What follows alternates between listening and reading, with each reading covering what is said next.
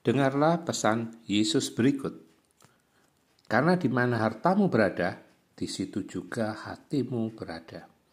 Matius 6 ayat 21 atau Lukas 12 ayat 34. Di mana kita meletakkan hati kita saat ini? Itulah arti yang paling berharga buat kita. Di mana Anda meletakkan hati Anda saat ini? Apakah itu harta kekayaan, karir, jabatan, status, atau lainnya.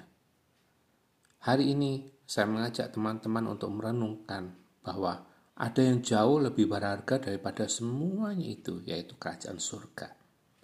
Tempat yang kekal yang sudah disediakan Yesus buat kita.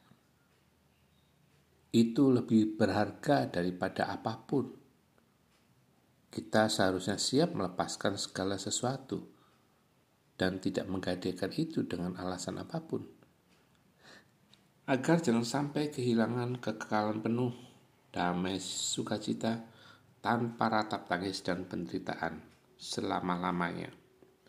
Di situlah seharusnya kita meletakkan hati kita, bukan di tempat lain.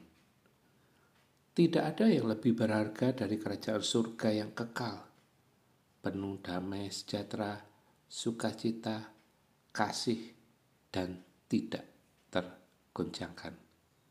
Di surga kita berjumpa dengan Tuhan yang sangat mengasihi kita.